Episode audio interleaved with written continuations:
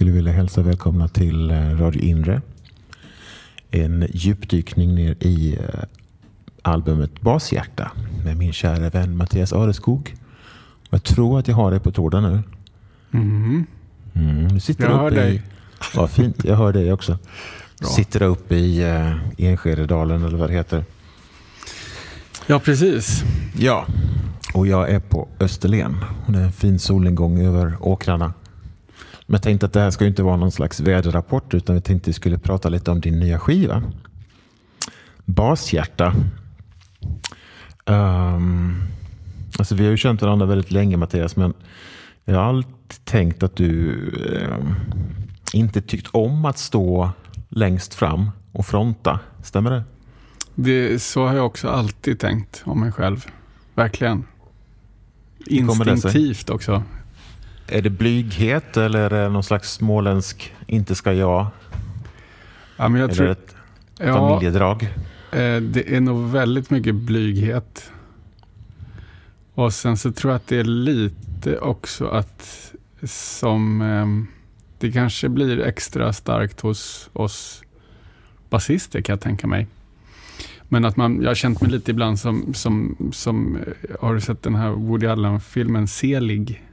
Ja, just det.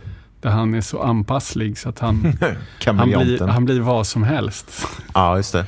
Han går Och det är du. Ja, men lite, alltså att man så här, musikaliskt är så är så inriktad hela tiden på att, ja men också verkligen instinktivt. Och in, jag, jag tycker inte att det är något dåligt med det, utan jag tycker det är en väldigt fin egenskap. Men att man väldigt mycket lyssnar och försöker så här, eh, stoppa in det som behövs eller fylla på där, man, där det saknas eller så här. Är det det som är själva programbeskrivningen för en basist överhuvudtaget? Eh, Lite. Samtidigt som man också är någon form av bastant ryggrad. Ja, just det. Och killen som har dragkrubb på bilen. Exakt. Men eh, personlighetsmässigt så kan jag tänka mig, det gäller väl, eller det känns som ett litet drag som vi alla i Malmö inre sällskapet har också lite av. Mm. Men, men jag tror att jag kanske kände att jag ville på något sätt eh, ta reda på lite vad den här anpasslingen vill.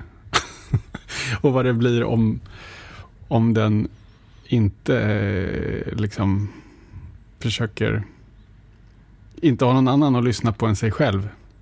Just det. Men händer det någonting eh, med dig när du spelar gitarr snarare än när du spelar bas?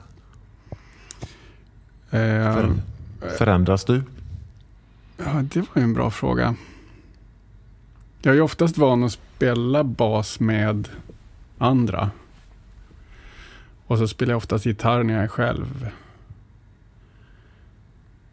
Men det är ju, bas är också liksom, det är byggt för att vara som roligast med andra. Mm. Gitarr kan man ju liksom, både på gott och ont, är ju liksom, lockar ju fram ofta, i värsta fall en sån liten. Singer-songwriter ja, dels en, en, eh, på efterfestarna. en efterfest singer-songwriter eller en ekvilibristisk eh, tonmaskin som sprutar ur just sig eh, liksom för mycket. Just det. Jag har svårt att se dig i, någon av de rollerna faktiskt. Ja, Men vad skönt att höra. Ja. Nej, jag tänkte att, att eh, generellt sett så är det väldigt svårt att spela bas och sjunga samtidigt. Så att jag förstår att du hamnade vid basen för att du har liksom en sådan eh, personlighet som du själv beskriver med Mm. Selig. Eh, men när du spelar kompgitarr i eh, Brothers of End eller i Areskog och Bergqvist så är det ju liksom ett annat, det är ju fysiskt en en annorlunda uppgift. Mm. Och det är ju lätt, mycket lättare att sjunga när man spelar gitarr än med bas. Eh, Så det var lite det jag fiskar efter. Om blygheten släpper lite när du är fysiskt kapabel att eh, sjunga fritt och spela gitarr. Kanske. Samtidigt ska jag också känna att jag är så sjukt mycket tryggare med, med bas än med gitarr. Men har du lätt för att sjunga och spela bas samtidigt? Nej, det, alltså det beror väldigt mycket på vad man, vad man spelar. Ja. Om, om det är liksom... ehm, om det är raka rytmer eh, så går det oftast bra. Mm. Eh, men när man ska hålla på och göra saker som är liksom svängigt och synkoperat och då är det, Det är ju väldigt- otroligt svårt att sjunga Det är samtidigt. väldigt svårt. Ja. Det är någonting som bara går sönder i kroppen när man ska utföra det. Det är nästan lika svårt som att spela trummor. Ja, jag tycker att det är mycket svårare för jag kan ju spela trummor eller har i alla fall kunnat göra det någon gång i tiden. Jag kan inte sjunga spela bas. Det går inte. Det är, ja, det är något speciellt. Mm. Det är också ganska få som har lyckats med det. Får man ju säga. Ja. Och det blir ju också, eh, alltså man måste ju, som basist får man ju aldrig liksom tappa botten, bottnen eller Nej, nej. liksom rytmen eller svänget. Och då blir det ju också kanske svårt att... Och sången är lite också, den är också på något sätt absolut. Den kräver ju full uppmärksamhet. Så då kanske McCartney är bäst i världen på det. Ja, det, ja, det skulle jag verkligen... Man tänker inte ens på att han spelar bas. Nej, han gör ju det. Men är tillbaka, till, tillbaka till frågan. Blir du en annan person bakom gitarren? Ehm, nej, det tror jag inte. Men man får ju lite andra möjligheter att liksom uttrycka sig på ett annat sätt. Mm. Men själva den här skivan är nog mer, mm, alltså att, eh, att jag har gett mig möjlighet och, och tvingat mig och blivit peppad och se vad som händer. Att om man liksom eh, testar att göra, eh, göra det själv liksom, och Mm. tvingas stå för det själv. Är låtarna skrivna för gitarr, av gitarr, på gitarr? Eh, de flesta tror jag. Mm. Ibland kan det vara... Ja, men det är det nog verkligen. Ibland kan det också bara börja med någon liten rytm eller någon liten basfigur. Men jag tror kanske inte att det riktigt är de, någon av de här låtarna som... De har nog börjat på gitarr eller piano. Mm. Mm. Kan inte du berätta lite hur eh, tanken och drömmen om den här plattan eh, kom att starta?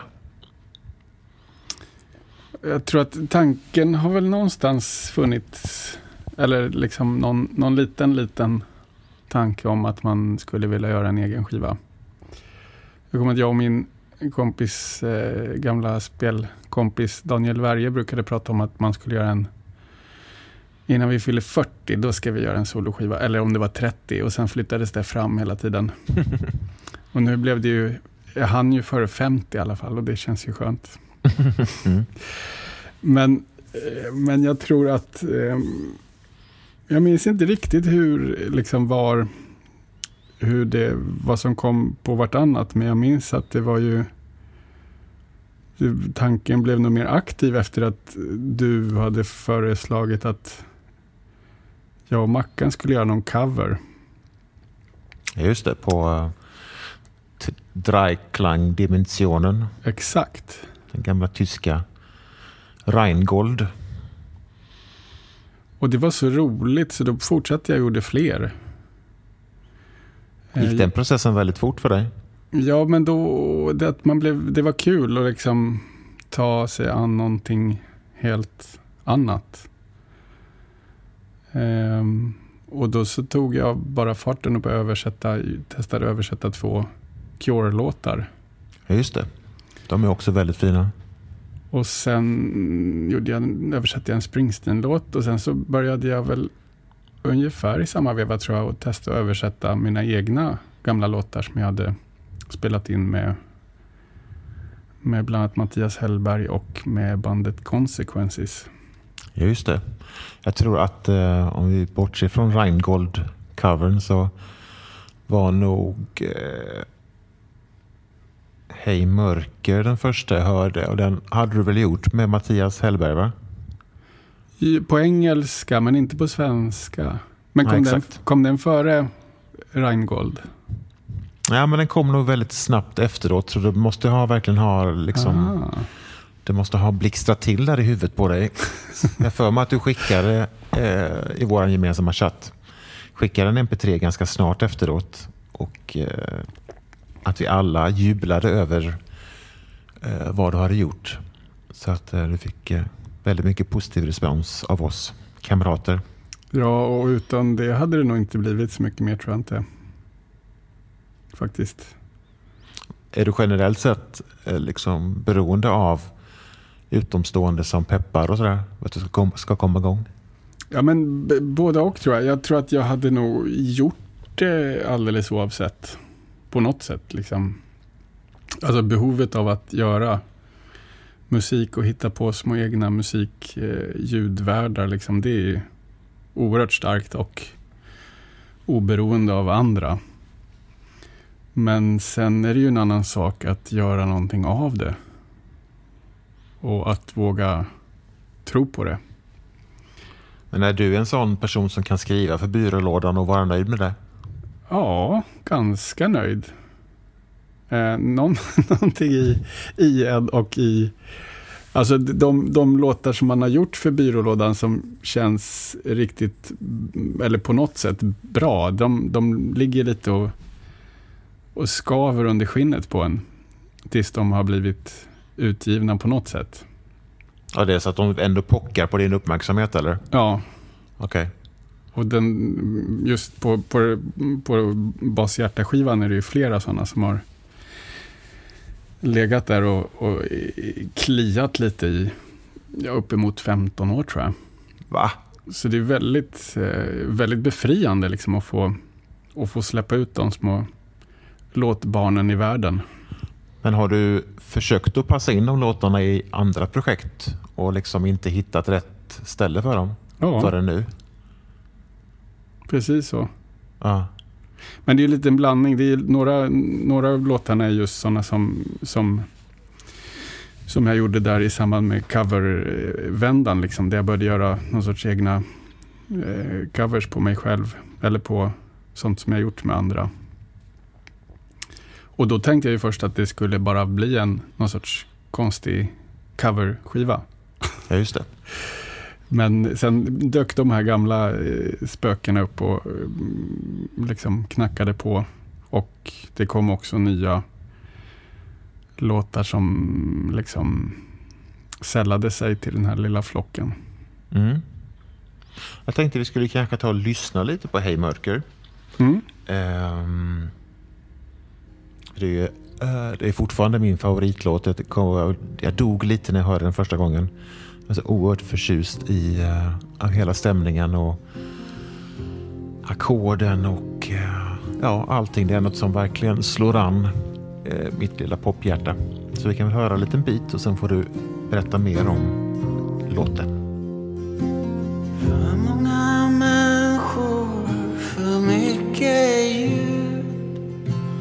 Hav av röster, men de pratar så svårt.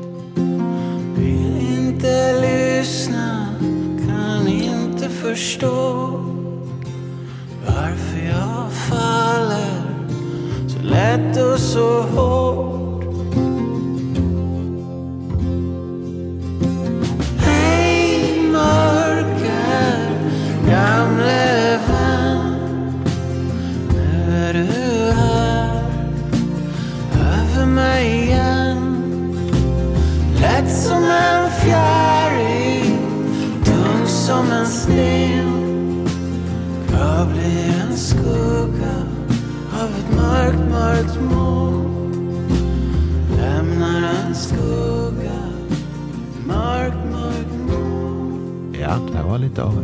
Mörker.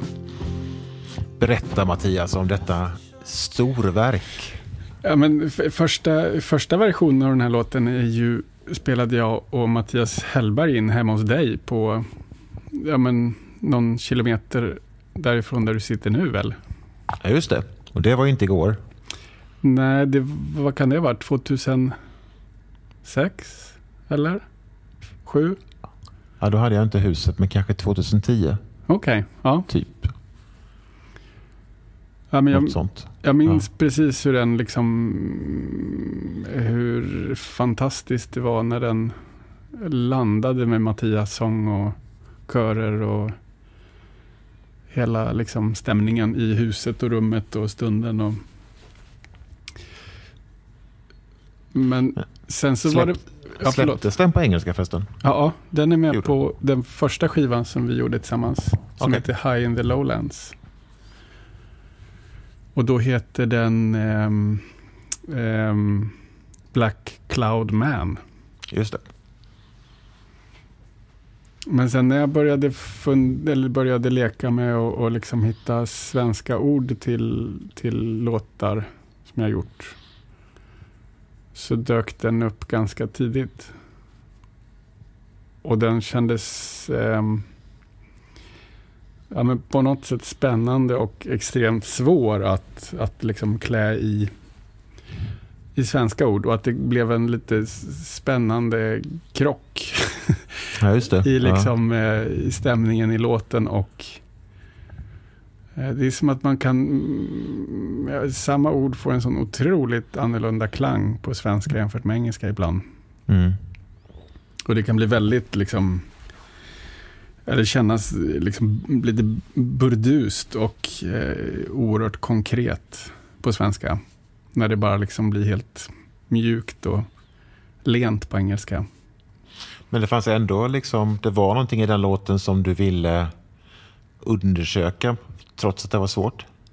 Ja, precis. Och, Och vad det var blev, det? Ja, men det- det är en bra fråga. Jag vet inte riktigt. Men det är just... Eh, dels handlar det väl om att texten kändes som att jag hade eh, formulerat någonting för väldigt länge sedan. Som fortfarande kändes väldigt eh, liksom relevant. Mm. Och sen också just den här lilla, eh, att det kändes läskigt och roligt att försöka få till det på svenska. Hur nära ligger översättningen originalet? Den ligger ju ganska nära, skulle jag säga. Nu är jag så inne i, i den svenska, så nu har jag ju lite glömt hur den engelska låter. Men jag tror att de är ganska nära. Ja. Jag tänker på din fantastiska översättning på Heavens on Fire med Kiss. eh, som också är smått legendarisk och vi hoppas verkligen att vi kan få släppa den någon gång på Malmindre. Den, är också, eh, den har jag och min fru Kristina gjort tillsammans. Så där Ja, ska hon också ha. Ja, förlåt. Såklart. Klart Men- frugan, ska, frugan ska vara med. Men den är ju extremt nära eh, originalet och det blir ju otroligt magiskt just av det skälet. Och lite läskigt nästan. Ja, Men det är där det blir spännande också, tror jag. ja liksom att... eh, Man kan ju tycka att Paul Stanley sjunger klyschor hela tiden, men på svenska så blir det liksom... Ja, det blir jättekonstigt. Det blir nästan Nanne Grönvall av allting. på, på ett på något sätt positivt sätt. Jag är annars inte en artist som jag kanske liksom namedroppar så var ofta, men... Men... eh, jag vet inte om... Det är nästan som att avundsjuk är himlen står i lågors närmaste vän faktiskt. Jaha, det måste jag lyssna. Nej, gör inte det. Det är en fruktansvärd låt, men det är någonting med de här, den övertydligheten som den direkta översättningen ger. Som gör att låten blir väldigt eh, dramatisk och komisk och alldeles underbar. Men du vet ju, det här vet ju inte lyssnarna om för att den har ju inte släppts. Nej. Ja, men det är roligt. Det blir ju... eh, Det, är- det är som att det är eh, nästan som att språket i sig självt sjunger solo. Just i det du Ja. beskriver. Att det är liksom den språkliga eh, liksom, differensen och dissonansen som gör att det blir spännande. Ja, men det är också en gammal fin tradition där på 60-talet med alla översättningar av Beppe Wolgers och Svante Thuresson och Tage Danielsson. Och alla som har sjungit eh, låtar som har blivit svenska klassiker. Som Monica Z och Lill Lindfors och så vidare. Eh, det är knappt någon som gör det längre förrän du kom. Ja, men det, det kanske beror på att det är så krångligt att få ge ut det nu för tiden, eller? Ja, alla de är ju döda. De som gjorde det. Ingen som stämmer om. Nej. Ja, men det krävs nog ett, eh, om man tänker på, på Cornelis också såklart och Beppe Wolgers och Tage Danielsson så var det ju liksom ordsmeder som eh, hade en, eh, en fantastisk känsla för språket. Verkligen. Och hur de kunde liksom omforma en låt från till exempel Burt Bacharach eller, eller någonting annat. Ja, men det, det var och det, det är kanske det som var så liksom, roligt med att göra de här, liksom börja leka med eh, covers och översättningar och att man liksom lösgjorde sig själv från alla, inte alla, men en del av de fobier, klyschor och eh, föreställningar man har om vad som går att, och hur man kan sjunga på svenska. Sjöng du på ett annat sätt också när du spelade in de där coverversionerna? Det vet jag. Ja, men jag tror det nästan. Att det blir som ett helt annat instrument. Ja. Det är ju jättekonstigt, men, men det känns lite så. Jag kan tänka mig att det skulle kunna vara en bra övning om för att bryta till exempel skrivkramp. Att eh, göra några sådana här grejer. Några övningar i översättningar för att komma loss liksom inte bli så självmedveten. Verkligen, extremt bra. Ja. Eh, en annan fin, fin låt som jag tänkte vi kunde lyssna lite på är Vänd dig aldrig om. Eh, har du något specifikt att berätta om detta fina nummer? Ja, men den, den eh, som jag minns det så kom den lite av sig självt utan att man behövde vrida och vända och bända och kämpa särskilt mycket med den. Att den var ganska... Den, den, eh, den damp ner i ett ganska, liksom ett stycke. På ett väldigt, väldigt härligt sätt. Så det var alltså en nyskriven låt? Ja, verkligen. Och den, den version som är på skivan är den absolut första lilla demo jag gjorde av den. Okay. Som jag sen försökte göra om massor med gånger, men det blev liksom inte... Det kändes inte så intressant.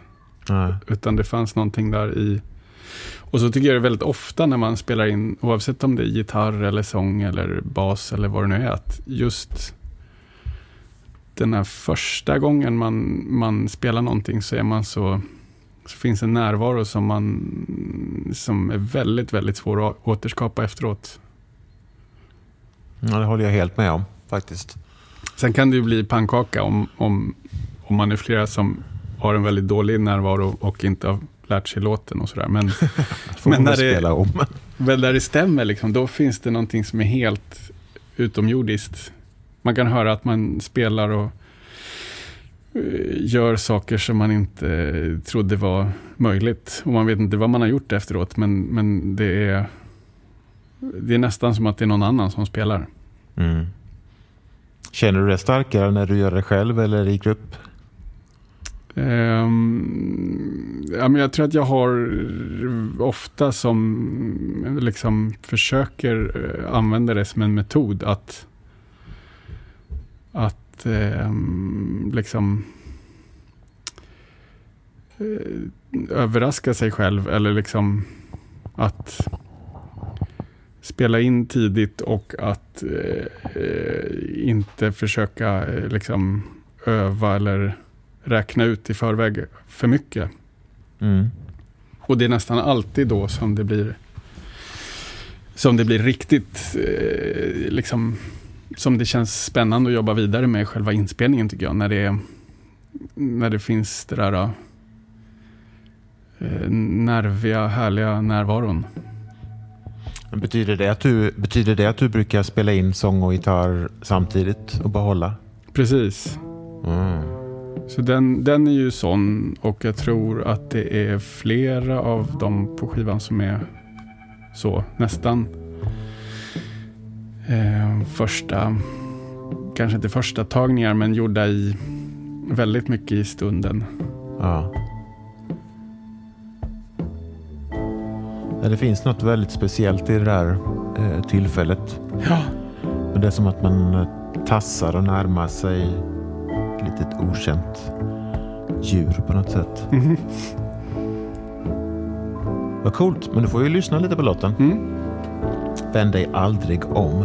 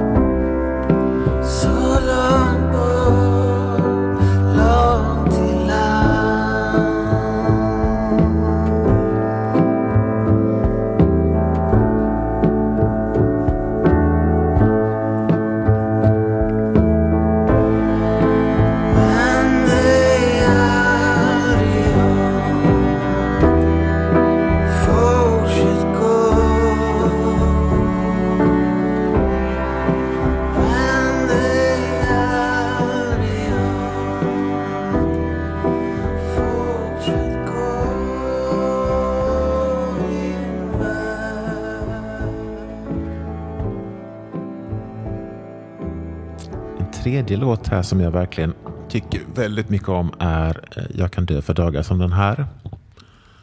Och eh, jag hör en förtjusande fin Chris Isaacs stämning i den här låten. Är det något som du tänkt på? Mm, ja, det tror jag. Det är nog väldigt mycket ehm, Chris Isaac-känslor från gymnasietiden som, som spökar i den här. Ah, är det videon med Helene Christensen som spökar? Eh, Nej, det, jag vet inte om jag såg det. Nej, inte som jag minns. Nej, för att den, alla som har sett den minns den. Ja, men det måste jag ha gjort. Fast jag, eh, jag har nog väldigt vagt minne. Men jag tror att Mm. jag blev ju helt eh, verkligen lost i den gitarrslingan eh, slingan och svajet och alltihopa. Mm, mm. Så det är nog väldigt mycket så ja.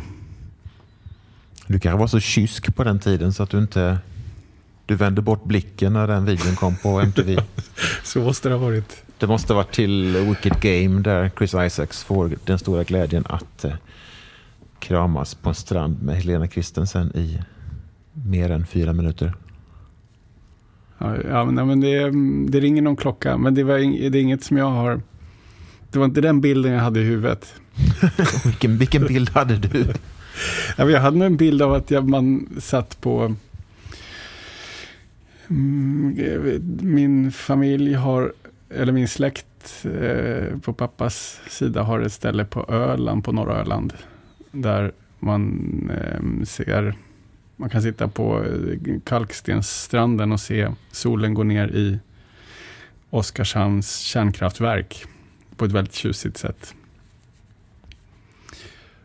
Och där är någon sån eh, magisk eh, kvällsstämning.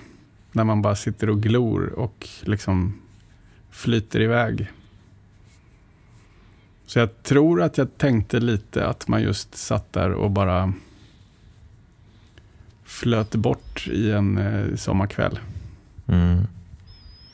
Det är ändå lite märkligt att tänka på kärnkraft om man kan tänka på en dansk supermodell istället. Ja, fast eh, ja, det är svårt att flytta på det där kärnkraftverket. det ligger precis där, där solen Vad säger, dalar. vad säger det om dig? Det säger kanske en hel del. Det är i alla fall en otroligt fin låt. Vad roligt. Otroligt, otroligt fin. Är det den som din dotter sjunger på? Eh, nu ska vi se. Hon sjunger ju på eh, eh, nästan hälften av låtarna tror jag.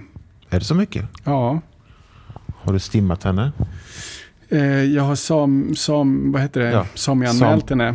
Samat henne? Samat henne har jag gjort. Bra. Ehm, men nu blir jag plötsligt osäker på om hon sjunger på den. Jag tror faktiskt inte det. Däremot så spelar ju Anna Asp en helt, tycker jag, mm, galet vacker saxofon. Just det. Mer känd ifrån uh, Beck. Eh, krimgruppen. Precis. Ja. Men en makalös saxofonspelare. Ja. Stor scennärvaro när, han, när hon lirar. Ja, den är fantastisk.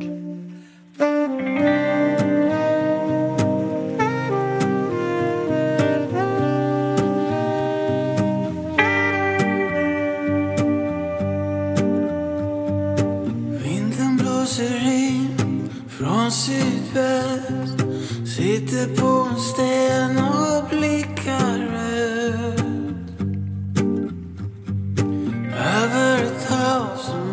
som inte har något slut På avstånd och ljudet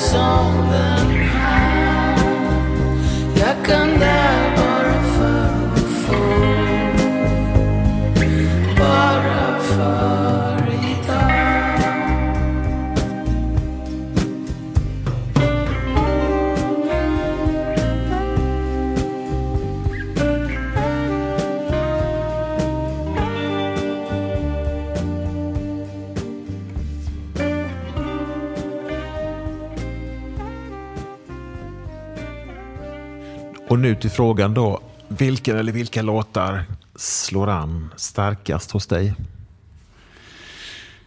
Ehm, det är jättesvårt. Jag tror ju, alltså Hej Mörker har ju någonting väldigt eh, liksom starkt i sig.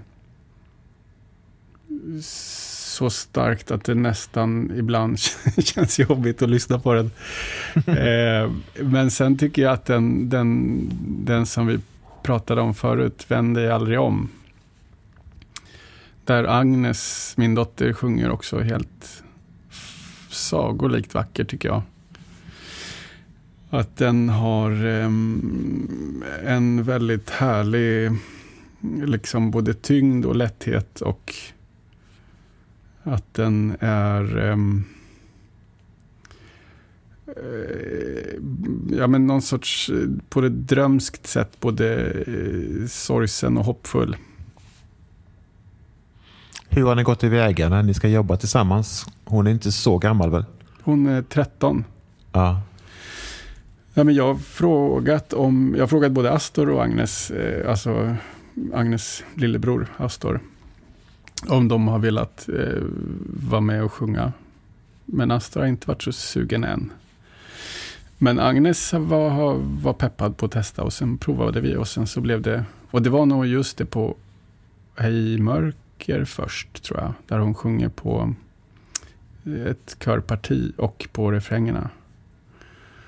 Och det blev så fruktansvärt fint med hennes otroligt rena, ljusa, vackra röst. Var det, var det klurigt att ge instruktioner eller fattar de grejen snabbt? Eh, Hon är ju, tror jag, minst tre gånger så musikalisk som jag är. Och har fattat rytm och eh, liksom ton och allt, allt det. Alltså hon kan ju inte spela eh, liksom allting och, och förklara och sådär, men hon har det på något sätt i huvudet känns som. Ja. Så det var väldigt lätt. Eh, gick på nolltid. Sen när hon, om man, när vi försökte göra så att det var, någon, ja, det var nog kanske på Vän dig aldrig om att hon skulle sjunga stämma. Det var svårt. Så Ah, då okej. gjorde jag en stämma och sen så sjöng hon likadant som den. ja, just det. Hon hade inte liksom koll på terser och kvinter och sillastämmor och så vidare. Nej, precis. Ja. Och det är ju ganska begripligt. Det har jag lärt mig först alldeles nyligen med, Ja. med Lasse och Bengt hur man gör det där med stämmor. Så då, hon, hon har cirka 35 år på sig då. Ja, men jag skulle nog säga att hon, hon, eh, eh, hon kommer gå om på eh, fem. Om hon inte Okej. redan har gjort det. Ja. Men kan hon spela bas? Eh, lite grann. Jag tror de har gjort det på musiken. Spelat lite mm, så enkla basgrejer. För där kan du i alla fall ha ditt övertag ett tag, tänker jag på henne. Mm. Någon sorts eh, mm, pondus i basspelet kan man Ja, men- kanske Som när man, spelar ping, som man spelar, när man spelar pingis med sina barn och bara drar till en riktig rak forehand. Så att de ska veta att det ändå är farsan som... Ja, där håller jag också på att bli helt eh, snart utspelad av Astor som börjar bli en rackare på pingis. Aj då. Så det är inte mycket man eh, har kvar att stoltsera med snart. Ja, du får verkligen se dem efter de här, de här fläckarna där du fortfarande kan trycka, ner, trycka till dem. ja. Tänker du spela live med det här materialet? Ja, men det hoppas jag nog faktiskt. Innan så visste jag inte om jag skulle eh, varken våga eller vilja.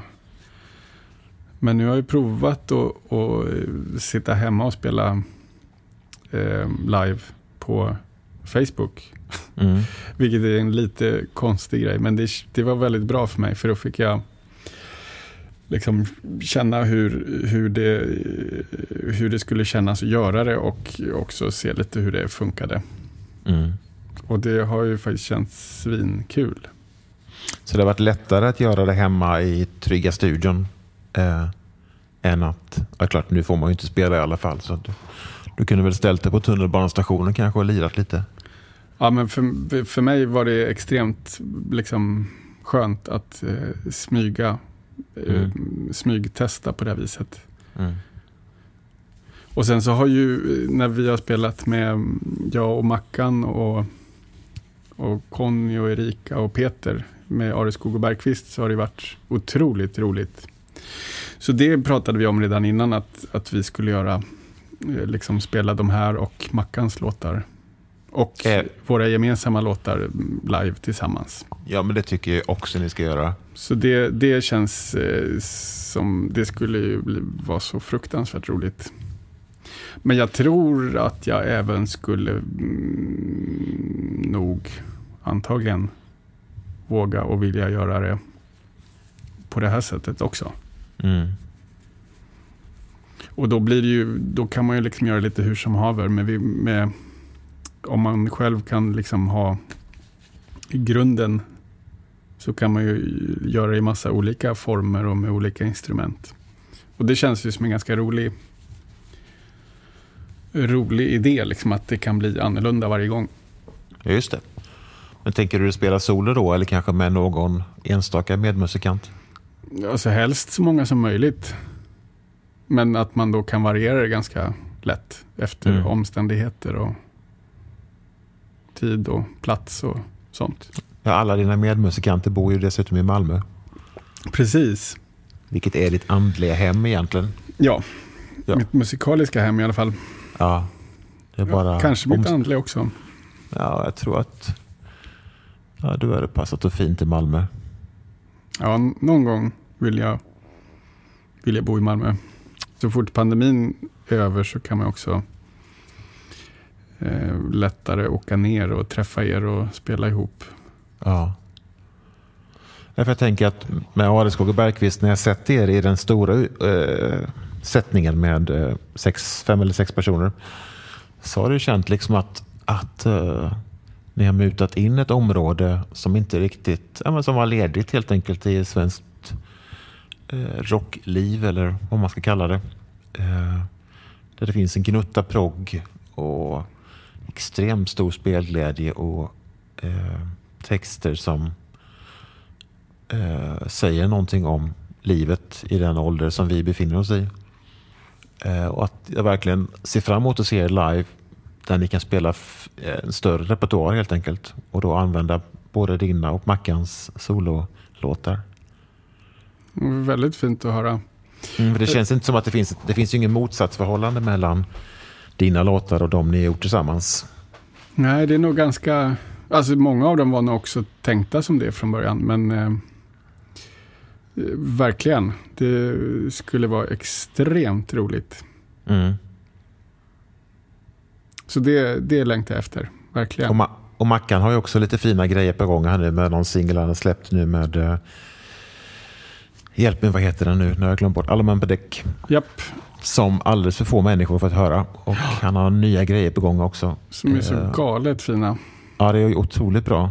Så på ett sätt är det nästan synd att inte göra en till platta tillsammans på en gång. Men vi får väl låta er hållas på varsin kant och sen så tvingar vi ihop er igen om något år. Eh, det låter som en underbar plan tycker jag. Ja, jag och, doktor, eller jag och direktör Melinder trycker ihop er i ett tomt rum. Och eh, tvingar er att skapa igen. Ja, men det vore ju, det vore ju vansinnigt roligt. Mm hoppas jag verkligen någonting för 2022. Du, tack så mycket för att du har gjort Bashjärta. Tack. En sjukt att... fin skiva. Det är modigt att uh, öppna upp hjärtat sådär och sjunga om skiten. Och tack för uh, att du har um, ja, men för allt pepp och stöd. Det har varit extremt viktigt för att oh, den skulle tack. bli av. Det blir som Jerry Springer även uppe på slutet. Fast utan slagsmål. Ja, nej men det, den, den hade inte hänt utan er. Tack, himla, tack så himla mycket kära vän. Tack själv och, eh, kära Hälsa du. familjen. Ja, du mm. med. Ha det gott min vän. Ja. Hej hej. Hej hej.